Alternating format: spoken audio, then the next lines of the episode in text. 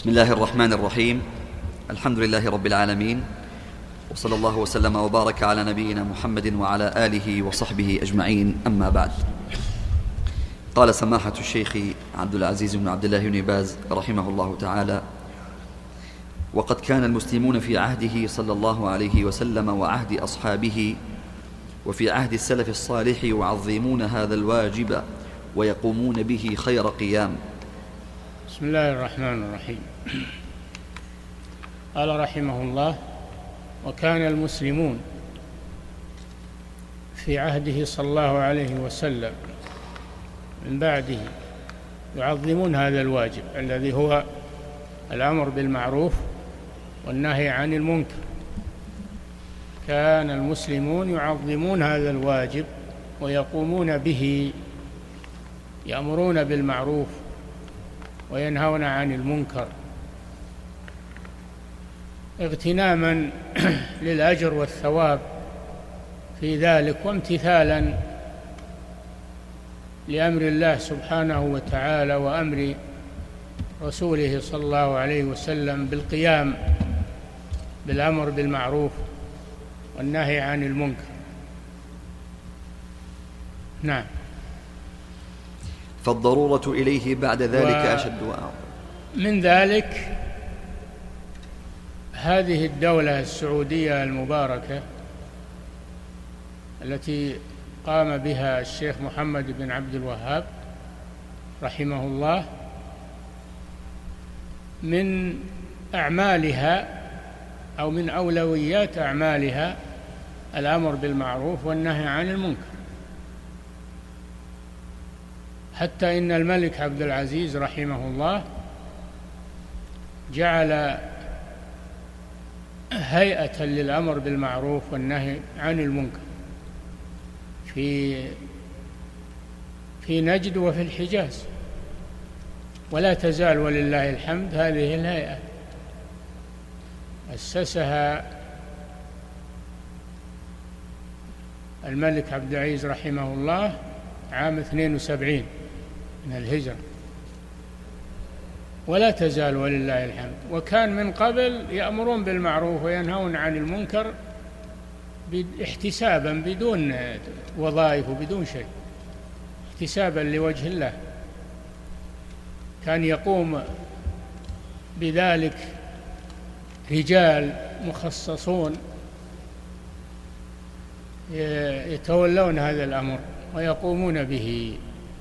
لكن لما إنه تغير الوضع وجاءت التنظيمات والوظائف الملك عبد العزيز جعل للأمر بالمعروف والنهي عن المنكر نصيبا من هذا من هذا التنظيم ومن هذا هذه الوظائف.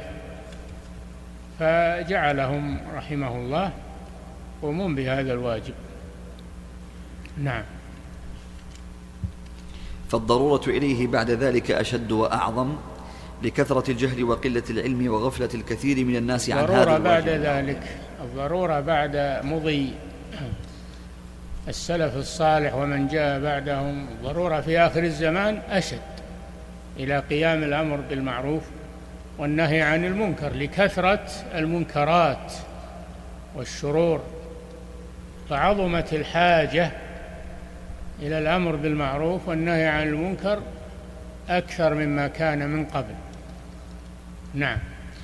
لكثرة الجهل وقلة العلم وغفلة الكثير من الناس عن هذا الواجب العظيم. نعم كثرة الجهل وقلة العلم وغفلة الناس عن هذا الواجب العظيم تأكد القيام به وعدم إضاعته. نعم. وفي عصرنا هذا صار الأمر أشد والخطر أعظم. نعم لكثرة الشرور وكثرة المنكرات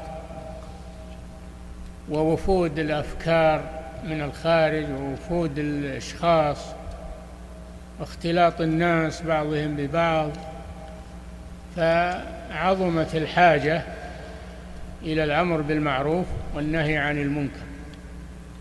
نعم. صار الأمر أشد والخطر أعظم لانتشار الشرور والفساد. عكس ما يقوله الصحفيون أو بعض الصحفيين إن أن الناس الآن فهموا تعلموا تثقفوا وليسوا بحاجة إلى أنكم تحملون الوصاية عليهم يسمونها وصاية.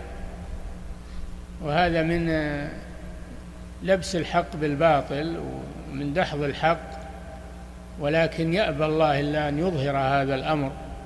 ويجعل له أنصارا يقومون به ويدافعون عنه.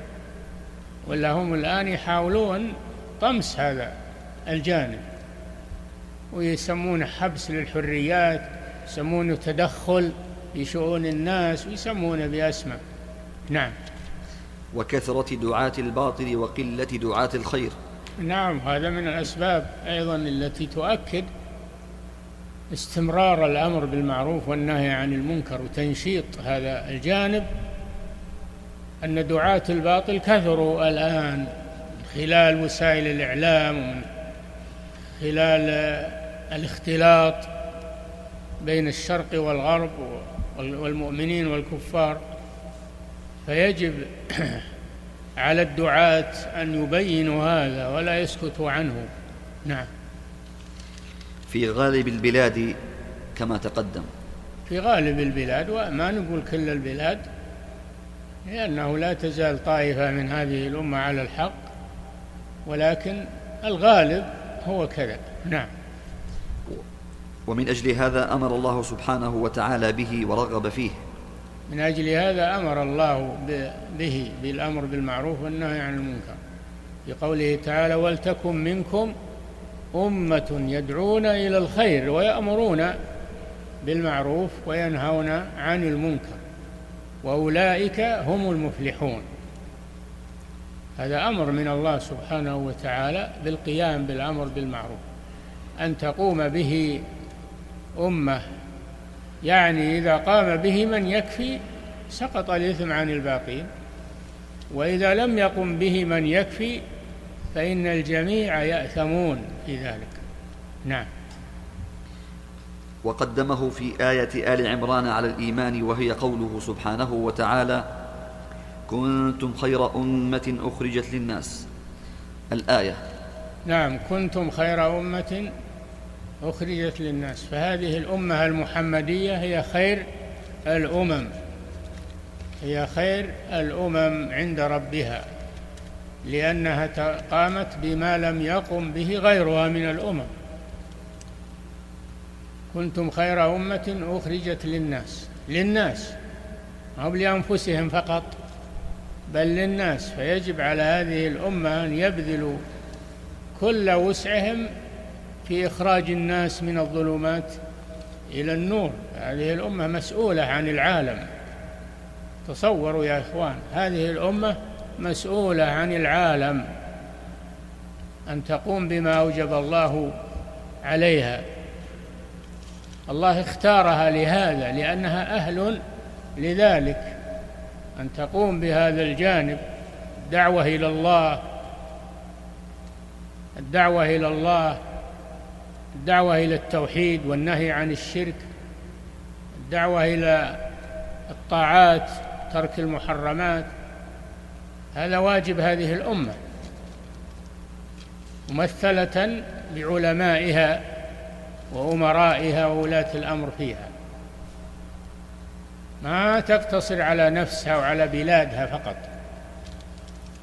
بل تنشر الخير في العالم في الناس كلهم. خير أمة أخرجت للناس. السبب تأمرون بالمعروف. تنهون عن المنكر. نالت الخيرية بهذا السبب أنها تأمر بالمعروف والمعروف كما سبق لكم كلام الشيخ رحمه الله أن رأس المعروف التوحيد تأمر به. ورأس الشر ورأس الشر والمنكر رأس المنكر الشرك بالله عز وجل تنهى عنه هذا أهم شيء. ثم بعد ذلك بقية المعاصي والسيئات. تأمرون بالمعروف وتنهون عن المنكر وتؤمنون بالله. شوف قدم الأمر بالمعروف والنهي عن المنكر على الإيمان بالله لأهميته وإلا فهو داخل في الإيمان بالله عز وجل. داخل في الإيمان بالله عز وجل لكن ذكره مفردا وقدمه اهتماما به نعم. يعني أمة محمد عليه الصلاة والسلام فهي خير الأمم وأفضلها عند الله. كما نعم خير الأمم وأفضلها عند الله. لماذا؟ لأنها تأمر بالمعروف وتنهى عن المنكر وتؤمن بالله عز وجل. نعم. كما في الحديث الصحيح عن النبي صلى الله عليه وسلم أنه قال أنتم توفون, سبعي أنتم توفون سبعين أمة. أنتم خيرها وأكرمها على الله عز وجل. توفون سبعين أمة يعني توفونها يعني تلتقون بها يوم القيامة. يوم القيامة. أنتم خيرها وأكرمها على الله. وأول من يدخل الجنة من الأمم أمة محمد صلى الله عليه وسلم. وأول من يستفتح باب الجنة محمد صلى الله عليه وسلم. هذا فضل لهذه الأمة. إذا يجب عليها ما لا يجب على الأمم الأخرى. يجب عليها مسؤولية عظيمة. نعم.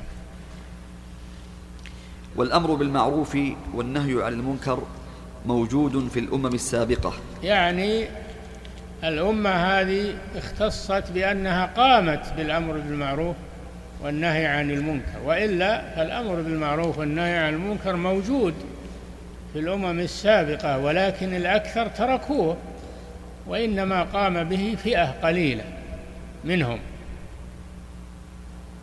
قال تعالى ليسوا سواء من أهل الكتاب أمة قائمة يتلون آيات الله آناء الليل وهم يسجدون يأمرون بالمعروف. وينهون عن المنكر ويقيمون الصلاة ويؤتون الزكاة ويطيعون الله ورسوله ويقيمون الصلاة ويؤتون الزكاة ويسارعون في الخيرات وأولئك من الصالحين وما يفعلوا من خير فلن يكفروا. يعني ما كل أهل الكتاب تركوا الأمر بالمعروف والنهي عن المنكر فيهم أمة يعني فيهم فئة وطائفة قامت بهذا الواجب. والله جل وعلا لا ي... الله جل وعلا لا يظلمهم لا يظلمهم شيئا بل يوفيهم أجورهم. نعم. بعث الله به الرسل وأنزل به الكتب. الأمر بالمعروف والنهي عن المنكر بعث الله به كل الرسل وأنزل به كل الكتب. التي أنزلها على رسله كلها جاءت بالأمر بالمعروف والنهي عن المنكر. فهو جانب عظيم في حياة الأمم. وأنتم تعرفون القصة قصة أصحاب السبت من اليهود الذين حرم الله عليهم صيد السمك يوم السبت فاحتالوا حرم الله عليهم صيد السمك يوم السبت. وأباحه لهم في غيره. ومن الفتنة أن الصيد يكثر يوم السبت. تأتيهم حيتانهم يوم سبتهم شرعا ويوم لا يسبتون لا تأتيهم. هذا امتحان من الله عز وجل. فأغراهم كثرة السمك يوم السبت وهو حرام صيده ماذا فعلوا؟ جعلوا حفر حفروا حفرا في الأرض وجعلوا عليها شباك فيأتي السمك يقع في هذه الحفر. يريد أن يخرج ما يتمكن من الشباك. فإذا صار يوم الأحد أخذوه. احتالوا عليه. احتالوا عليه. عند ذلك نهاهم بعض الأخيار. نهاهم عن ذلك. أخيارهم. وطائفة من الأخيار قالوا لا ما هم ما هم قابلين منكم ولا. لم تعظون قوما؟ الله مهلكهم أو معذبهم عذابا شديدا. ماذا أجاب الأخيار الذين يأمرون بالمعروف وينهون عن المنكر؟ قالوا معذرة إلى ربكم ولعلهم يتقون. فلا يترك الأمر بالمعروف والنهي عن المنكر ويقال ما هو بنافع ولا هو ولا هم قابلين. لا. معذرة إلى ربكم إنكم أقمتم الحجة عليهم وأبرأتم ذمتكم ولعلهم يتقون. لعل فيهم من من يقبل. لا تيأس. فلما نسوا ما ذكروا به أنجينا الذين ينهون عن السوء. شوف.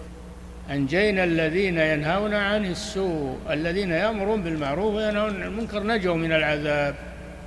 وأخذنا الذين ظلموا بعذاب بئيس بما كانوا يفسقون.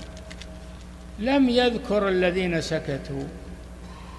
ما قال نجوا ولا قال هلكوا. والله أعلم أنهم هلكوا معهم.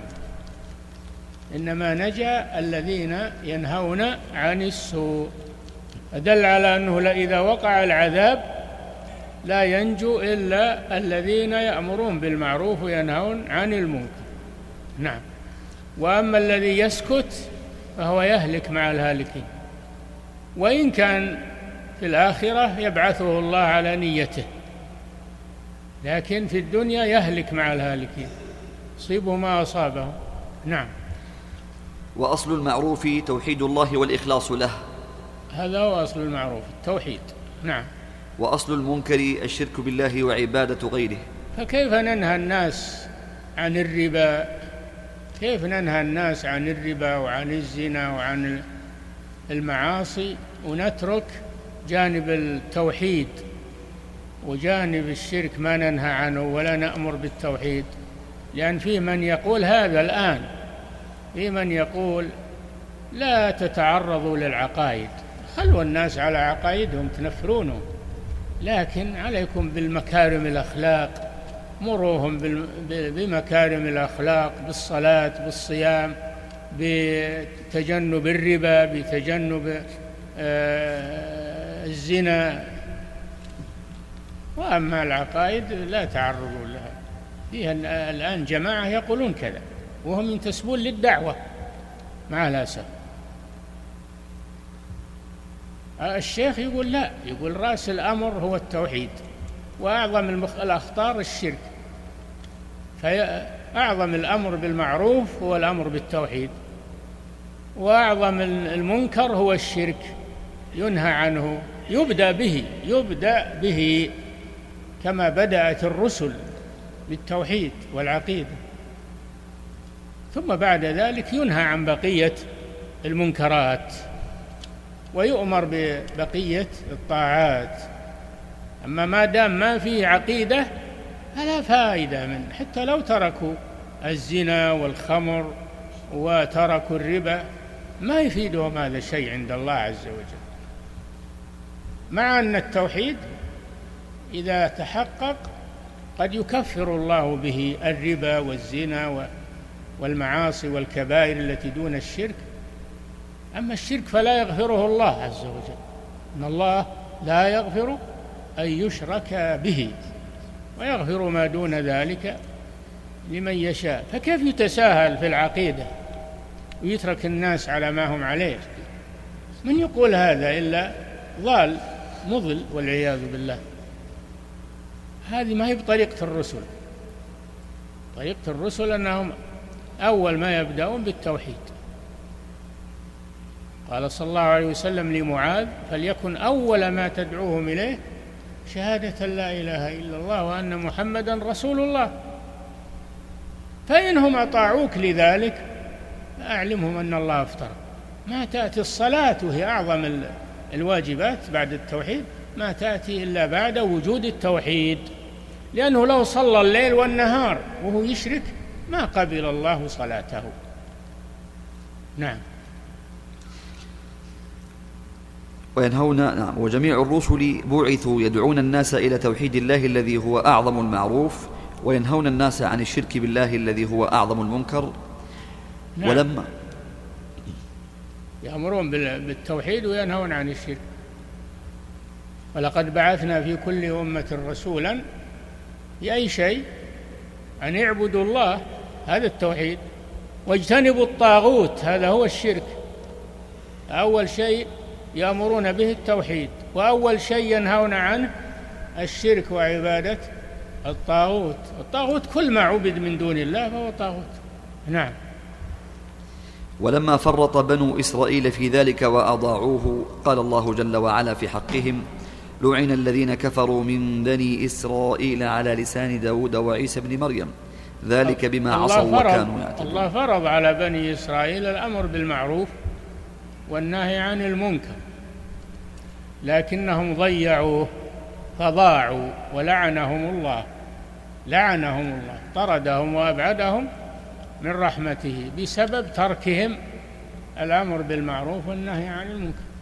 وهذا في القرآن. لعن الذين كفروا من بني إسرائيل على لسان داود وعيسى بن مريم النبيين الكريمين. ذلك بما عصوا وكانوا يعتدون كانوا لا يتناهون عن منكر فعلوه. لبئس ما كانوا يفعلون. لولا ينهاهم الربانيون والأحبار. شوف الواجب على العلماء أشد. لولا ينهاهم الربانيون والأحبار عن قولهم الإثم وأكلهم السحت لبئس ما كانوا يصنعون. ترك الأمر بالمعروف بئس الصنيع. ترك الأمر بالمعروف والنهي عن المنكر بئس الصنيع. لبئس ما كانوا يصنعون.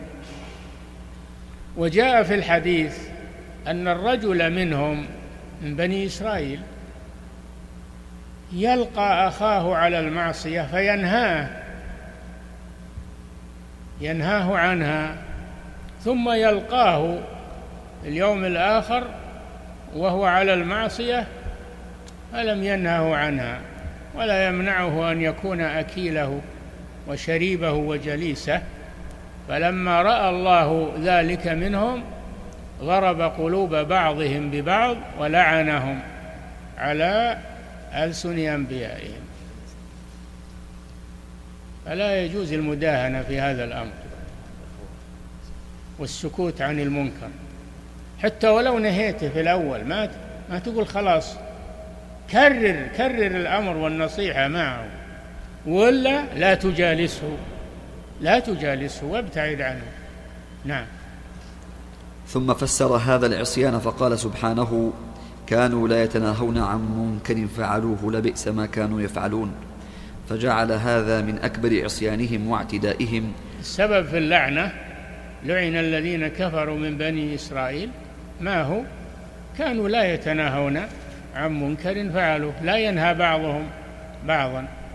نعم. وجعله التفسير لهذه الآية وجعله التفسير لهذه الآية. نعم. ذلك بما لعن الذين كفروا من بني إسرائيل ذلك بما عصوا وكانوا يعتدون. فسره بقوله كانوا لا يتناهون عن منكر فعلوه. نعم. ذلك بما عصوا وكانوا وكانوا يعتدون كانوا لا يتناهون عن منكر فعلوه. فسر الاعتداء بأنه عدم التناهي عن المنكر. نعم. وما ذلك إلا لعظم الخطر في ترك هذا الواجب. إي نعم لعظم خطر ترك هذا الواجب الذي هو الأمر بالمعروف والنهي عن المنكر. عظم خطر. ما هو خطره؟ أنه موجب للعنة الله. ليس هذا خاصا ببني إسرائيل. يقول هذا خاص ببني إسرائيل ولا هذه الأمة اللي يترك الأمر بالمعروف والنهي عن المنكر لا يلعن. لا يلعن. يلعن كما لعنوا. نعم. وأثنى الله جل وعلا على أمة في ذلك منهم. فقال سبحانه في سورة آل عمران من أهل الكتاب أمة قائمة يتلون آيات الله آناء الليل وهم يسجدون يؤمنون بالله واليوم الآخر ويأمرون بالمعروف وينهون عن المنكر ويسارعون في الخيرات وأولئك من الصالحين. وما يفعلوا من خير فلن يكفروه فلن يكفروه والله عليم بالمتقين. الله جل وعلا ذكر في أول سورة آل عمران ذكر أحوال اليهود والنصارى. وفصلها وبينها وحاجهم وجادلهم. لما جاء إلى الرسول صلى الله عليه وسلم وفد نجران وهم نصارى جاءوا إلى الرسول في المدينة دخلوا عليه في المسجد جلسوا عنده. الرسول صلى الله عليه وسلم حاورهم وجادلهم. وفي النهاية تعاهدوا عاهدهم الرسول صلى الله عليه وسلم على أن يؤدوا الجزية للمسلمين. ثم إنه ذكر في هذه السورة عن بني إسرائيل من اليهود والنصارى الشيء الكثير. ثم قال جل وعلا ليسوا سواء. يعني لا تحسبون اليهود والنصارى كلهم كذا. لا فيهم ناس طيبون. لأن الله جل وعلا لا يظلم أحدا ولا يعمم لا يعمم الحكم بل إنه يخرج من لا يدخل في الحكم. الله عدل جل وعلا عدل سبحانه وتعالى لا يظلم أحد. ليسوا سواء لا تظنون كلهم كذا. من أهل الكتاب أمة قائمة يتلون آيات الله آناء الليل وهم يسجدون يؤمنون بالله واليوم الآخر ويأمرون بالمعروف وينهون عن المنكر. هذا محل الشاهد. ويأمرون بالمعروف وينهون عن المنكر. فالله جل وعلا استثنى هؤلاء فدل على أن الأمر بالمعروف والنهي عن المنكر شعيرة عظيمة. توجب الثناء من الله على من قام بها وتوجب الذم والمقت واللعنة لمن أهملها. نعم. هذه طائفة من أهل الكتاب لم يصبها ما أصاب الذين ضيعوه فأثنى الله عليهم سبحانه وتعالى في ذلك. وفي آية أخرى من كتاب الله عز وجل في سورة التوبة قدم سبحانه الأمر بالمعروف والنهي عن المنكر على إقام الصلاة وإيتاء الزكاة. وما ذلك والمؤمنون والمؤمنات بعضهم أولياء بعض. يأمرون بالمعروف وينهون عن المنكر ويقيمون الصلاة ويؤتون الزكاة ويطيعون الله ورسوله. أولئك سيرحمهم الله. إن الله عزيز حكيم. فلما ذكر المنافقين المنافقون والمنافقات بعضهم من بعض يعني يشبه بعضهم بعضا يأمرون بالمنكر وينهون عن المعروف ويقبضون أيديهم يعني عن الزكاة يبخلون بالزكاة ويقبضون أيديهم نسوا الله فنسيهم. الله جل وعلا لا ينسى. ولكن المراد بالنسيان هنا أنهم ترى أنه تركهم في العذاب. ترك المراد بالنسيان هنا الترك. تركهم في العذاب كما تركوا طاعته والأمر بالمعروف والنهي عن المنكر لأن الجزاء من جنس العمل. ومثل هذا الفعل يسمونه المشاكلة جزاء سيئة سيئة مثلها. القصاص عدل. لماذا سماه الله سيئة؟ هذا من باب المشاكلة في الاسم فقط. جزاء سيئة سيئة مثلها. ويمكرون ويمكر الله. مكر من الله عدل. والمكر من الخلق هذا ظلم. فرق بين هذا وهذا. ولكن هذا من باب الجزاء والمساواة في اللفظ. يمكرون ويمكر الله. فيسخرون منهم؟ سخر الله منهم. هذه تسمى أفعال المشاكلة عند علماء التفسير. وليس هي من الله مثل ما هي من المخلوقين. لأن صفات الله جل وعلا تختص به وتليق به.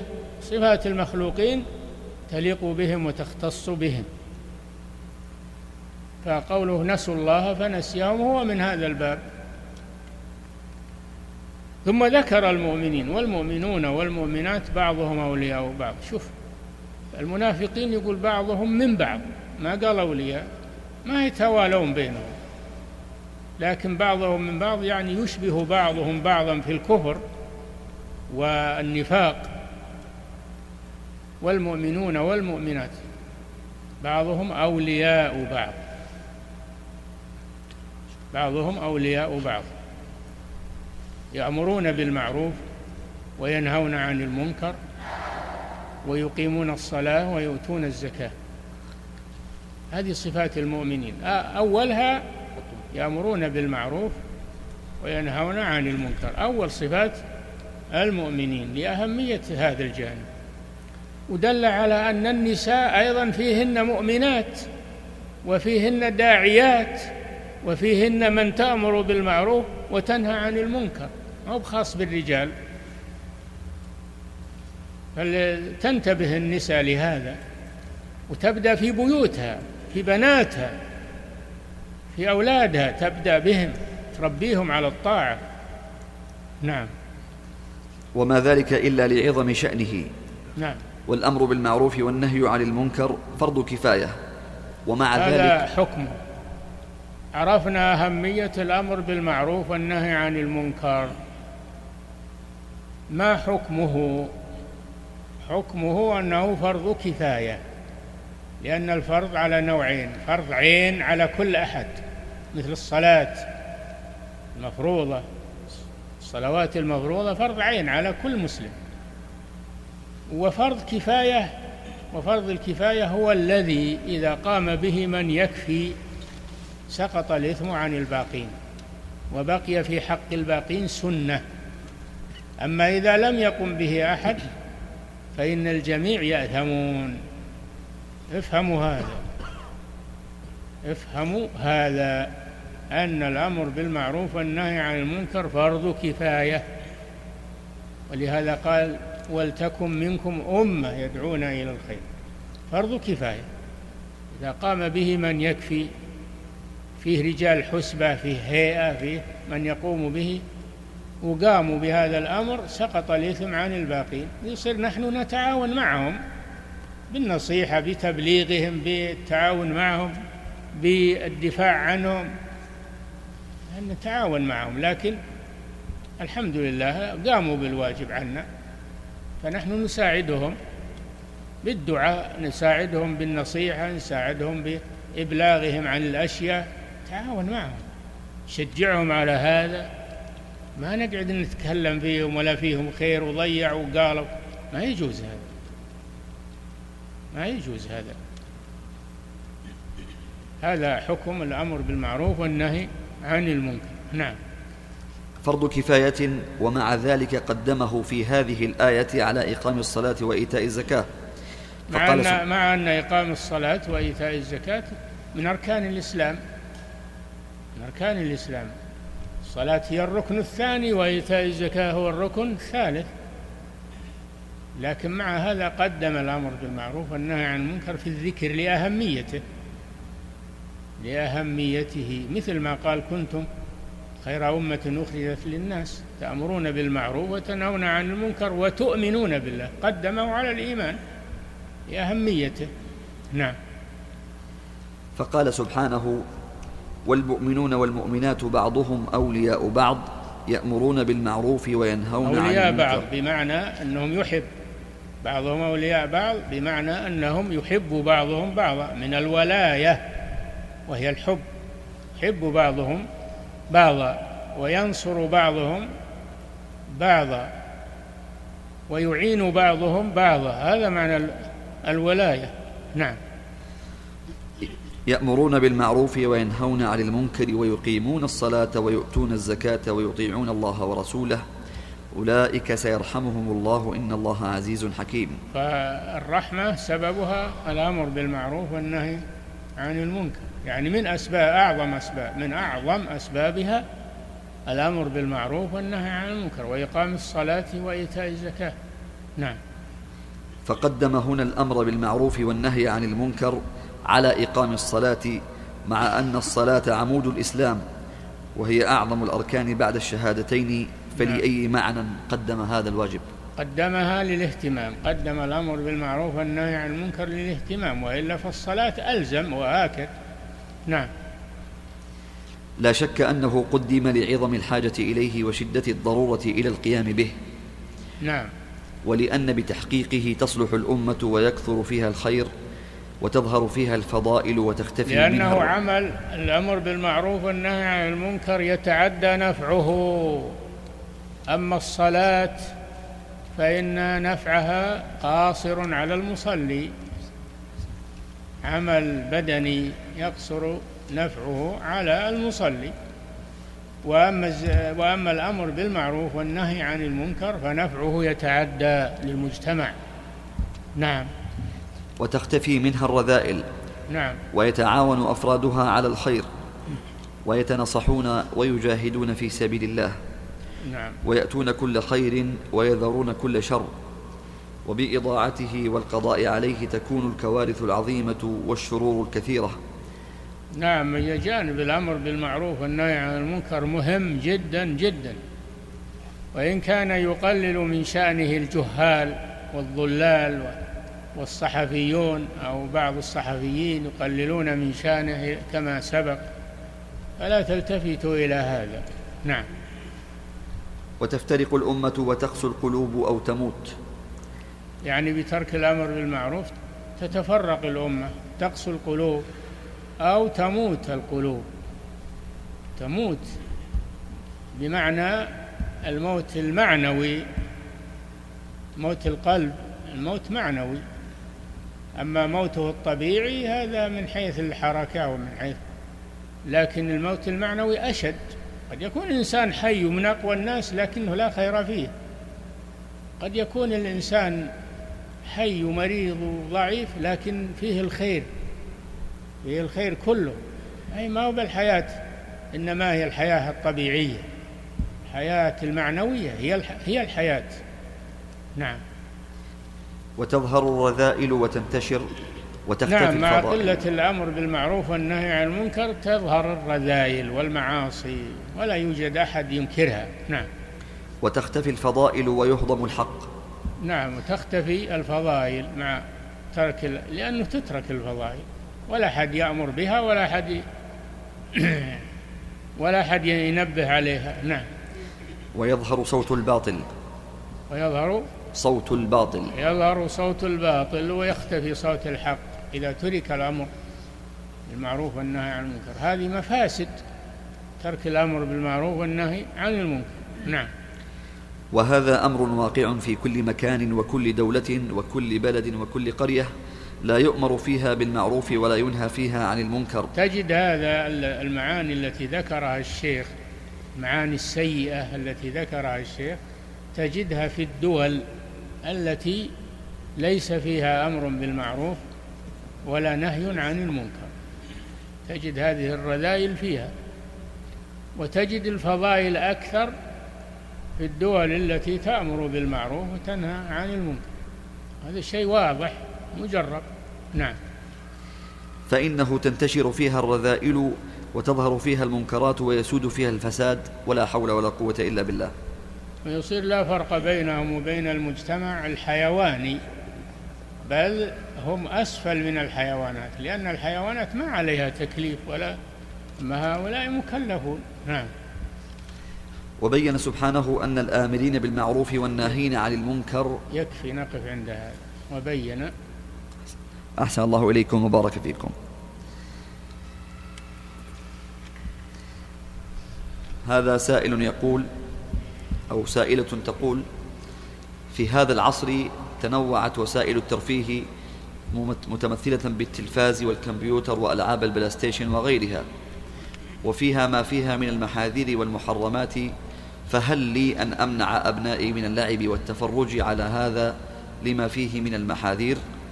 ولكن أخشى أن يسبب ذلك مفسدة أعظم من لعب الأولاد في الشارع والتعرف على أصحاب السوء الذين لا أعرفهم. وتنفير أبنائي من الدين فيقولون لنا أنتم تمنعوننا من كل شيء. نعم يجب منع الأولاد من هذا. على الوالد أولا على الأب أولا ثم على الأم. تعاونون. تعاونون على تربية الأولاد. ويمنعون وسائل الشر من بيتهم. ويصبرون على ذلك. يصبرون على لوم الأولاد ويصبرون على أذاهم ولا يطيعونهم في أنهم تمنعوننا بالبيت ويقولون نجعل هذه الأشياء عندهم بالبيت ولا نخليهم يطلعون للشارع. يعني نفسدهم بالبيت. لئلا يفسدوا في الشارع. إيش سوي صرنا؟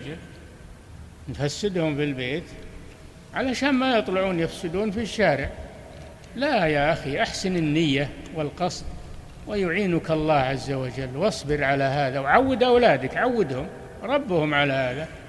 قل لهم يا عيال إذا ما يصلح هذا مكروه بين لهم مفاسده يتركونهم. هم إذا أنك ربيتهم وأقنعتهم يتركون يتعودون الخير ويتعودون البعد عن الشر. أما إذا أنك قلت والله أنا ما ما نب مخليهم يطلعون للشارع يفسدون بفسدهم بالبيت. هذا يصلح الكلام ذا.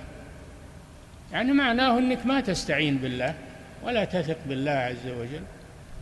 إن الله يعينك وإن الله يصلحهم وإن الله الشيء بالتربية يا أخي. الشيء بالتربية والتدريب على هذا. نعم. وهذا سائل يقول هل تجوز الصلاة بالبنطال حيث أني سمعت بعد بعض طلبة العلم يقولون أن ستر العورة ينبغي أن يكون حتى بهيئتها؟ بعض العلم؟ سمعت بعض طلاب العلم يقولون أن ستر العورة ينبغي أن يكون حتى بهيئتها. نعم. البنطال ما هو باللباس لا للرجال ولا للنساء ما يصلح. لماذا؟ لأنه ضيق ويبين أحجام الجسم. ويفتن أكثر من غيره. يفتن أكثر من غيره. هذا من ناحية. الناحية الثانية أنه ما يتمكن المصلي ما يتمكن من الصلاة على المطلوب لأنه ضيق. فيضيق عليه وقد لا يأتي بصفة الصلاة على الأمر المطلوب بسبب ضيق هذا الشيء. الله وسع عليك يا أخي. لماذا؟ تضيق على نفسك. فلا يصلح البنطال لا للرجال ولا للنساء ولكن للنساء أشد لأنه يفتن بها أكثر أكثر من غيرها لأنها إذا لبست الضيق حتى غير البنطال الضيق كله حتى الثوب الضيق لكن البنطال أشد يبين أحجام عجيزتها وأحجام مفاتنها فيكون فتنته أشد من المكشوف. قد يكون الداخلي شين. ما هو بزين لا لونه ولا حجمه لكن هذا اللي اللي يجعل البنطال يزينه ويخليه مظهر فاتن وقد يكون من الداخل لا قيمة له. فيتجنب البنطال. الرجال والنساء والنساء أشد. نعم. أحسن الله إليكم. وهذا سائل يقول أعمل بهيئة الأمر بالمعروف والنهي عن المنكر. ونقبض أحيانا على بعض من لديه منكر كالدعارة والخمور. نعم السؤال. يقول السائل أعمل بهيئة الأمر بالمعروف والنهي عن المنكر. ونقبض أحيانا على بعض من لديه منكرات كالدعارة والخمور. نعوذ بالله منها. يقول وقد كنت حضرت وشاهدت بعض ما يثبت على المتهم. على المتهم. حضرت؟ حضرت وشاهدت بعض ما يثبت على يثبت. أو يثبت على المتهم. نعم. ولكن عند الشهادة أوقع على كامل ما حدث مع بعض زملائي. فهل عملي هذا صحيح؟ وهل يدخل في شهادة الزور؟ ما فهمت السؤال. آه. إيش يقول؟ يقول يعني يشاهد بعض ما يثبت من المتهم يشاهد بعض المنكر ولكنه يوقع مع شهادة زملائه على كامل الواقعة. فهل تعتبر هذا من شهادة الزور؟ اللي ما تعلمه لا لا توقع عليه. اللي ما تعلمه تيقن من حصوله لا توقع عليه. قل هذا ما شفته أنا. ولا وقع عليه. نعم. أحسن الله إليكم. وهذه سائلة تقول ما رأيكم في إقامة الملتقيات والمحاضرات في مكان مثل الحديقة الخاصة بالنساء فقط بصوت مرتفع آه، وبتشغيل العروض وغيرها؟ علما أنها حديقة كبيرة ولها سور مفتوح ولكنها بعيدة عن نظر الرجال. النساء في البيوت النساء مكانها في البيوت. أو مكانها في الحدائق ولا في غيرها؟ مكانها في البيوت. ويجعل لها مكان خاص في البيوت للاجتماع والدعوة إلى الله والمحاضرة هذا أولى وأحسن. ولكن إذا كانوا في حديقة محصنة كما تقول والحضرة كلها نساء ليس فيها رجال فلا بأس وإن كان الأولى في البيوت ولكن لا بأس مع تحفظ ولكن لا يظهر صوتها للشارع بالميكروفون. ما يظهر بالميكروفون. لأن هذا فتنة. نعم. وهذا سائل يقول كيف نباشر الأنشطة؟ كيف نعم؟ نباشر؟ نعم. هذا سائل يقول كيف نباشر الأنشطة الدعوية في بلاد الكفار ونحن من أبناء ونحن من أبناء تلك البلاد؟ نعم يجب عليكم يجب عليكم الدعوة إلى الله أكثر من غيركم لأنكم في بلاد أحوج إلى الدعوة إلى الله. واصبروا على ذلك حسب الإمكان. إذا تمكنتم فلا تتركوا الدعوة إلى الله. نعم. وهذا سائل يقول ما هو الرد على شبهة أنه لما دخل عمرو بن العاص رضي الله عنه وفتح مصر لم يحطم الآثار المعروفة آه، وإنما تركها كما هي. إيش الآثار؟ الأهرامات ربما ولا. الأهرامات ما هي بأصنام يا أخي. الأهرامات ما هي بتعبد ولا هي بأصنام جبال. كيف يحطم جبال؟ ولا هي بتعبد من دون الله ولا هي بأصنام نعم. أحسن الله إليكم. وهذا سائل يقول كيف نجمع حفظكم الله بين قول الأهرامات؟ أهرامات وأصنام توجد تماثيل الإهرامات ما هي ما هي بأصنام إنما هي مبنية على قبور الفراعنة. مبنية على قبور الفراعنة مقابر. هي مقابر على قبور الفراعنة ولا هي بأصنام. وأما أبو الهول فهو جبل جبل منحوت على صورة رجل صورة رأس رجل جبل. كيف يحطمه ما ما هو بيعبد من دون الله. إنما يسمونها الفنون فنونهم هذه. فارغين ما عندهم شغل ينفع. صاروا ينحتون الجبال ويزينون فراغ. نعم. وتوجد يقول بعض التماثيل كنفر تيتي ونحو ذلك. ها؟ كما كانت توجد بعض التماثيل في مصر البارزة مثل نفر تيتي ونحو ذلك. تيتي؟ نعم نفر تيتي يقولون لها تماثيل اللي تعبد من دون الله ما بقيت. اللي تعبد من دون الله ما بقيت. أما ما اللي من باب العبث أو من باب ولا يعبد هذا ما ما منه خطر ما منه خطر هذا. نعم. أحسن الله إليكم. وهذا سائل يقول كيف نجمع حفظكم الله بين قول الله تعالى في بني إسرائيل وفضلناكم على العالمين وقوله كنتم خير أمة أخرجت للناس. فضلناكم على فضلناهم على العالمين وقد فضلكم على العالمين يعني في زمانهم. نعم هم أفضل أهل زمانهم. بنو إسرائيل أفضل أهل زمانهم. أما أنهم أفضل العالم كل العالم لا. لكن أفضل أهل زمانهم نعم هم هم أكثرهم مؤمنون. أكثرهم على الإيمان أصلهم مؤمنون. هم مثل الوثنيين و نعم. وهذا سائل يقول إذا كان الشخص ينكر المنكر بقلبه ولا يستطيع إنكاره بيده أو لسانه فهل يدخل في من سكت عن المنكر ويعمه العذاب أم يكون من الناجين المصلحين؟ المنكر إنكار المنكر درجات كما يأتي من استطاع بيده من أو بلسانه. وإلا أقل الأحوال بقلبه. هذا ما يعجز عنه أحد. القلب ما يعجز عنه أحد. درجات وهذا يأتي إن شاء الله. نعم. وهذه سائلة تقول امرأة مطلقة طلاقا رجعيا ودورتها الشهرية غير منتظمة تغيب عنها فما حكم استعمال علاج لإنزالها وتنظيمها علما أنها في العدة؟ ما دام أنها لها عادة وتنزل عليها تعتد بالحيض ولا تعمل تكلف تعمل أشياء تنزل عليها الدم. تعتد بالحيض متى ما جاءت؟ ثلاث حيض. متى ما جاءت؟ ولو تأخرت. نعم. وهذا سؤال يقول فيه السائل هل يجوز لي أن أجلس منفردا لوحدي وأتكلم آمرا بالمعروف وناهيا عن المنكر بقصد أن يسمعني الجان الموجود حولي؟ لا انصح الإنس وأنكر على الإنس أما الجن عندهم من المؤمنين من الجن من يكفي إن شاء الله. خل الجن للجن. نعم.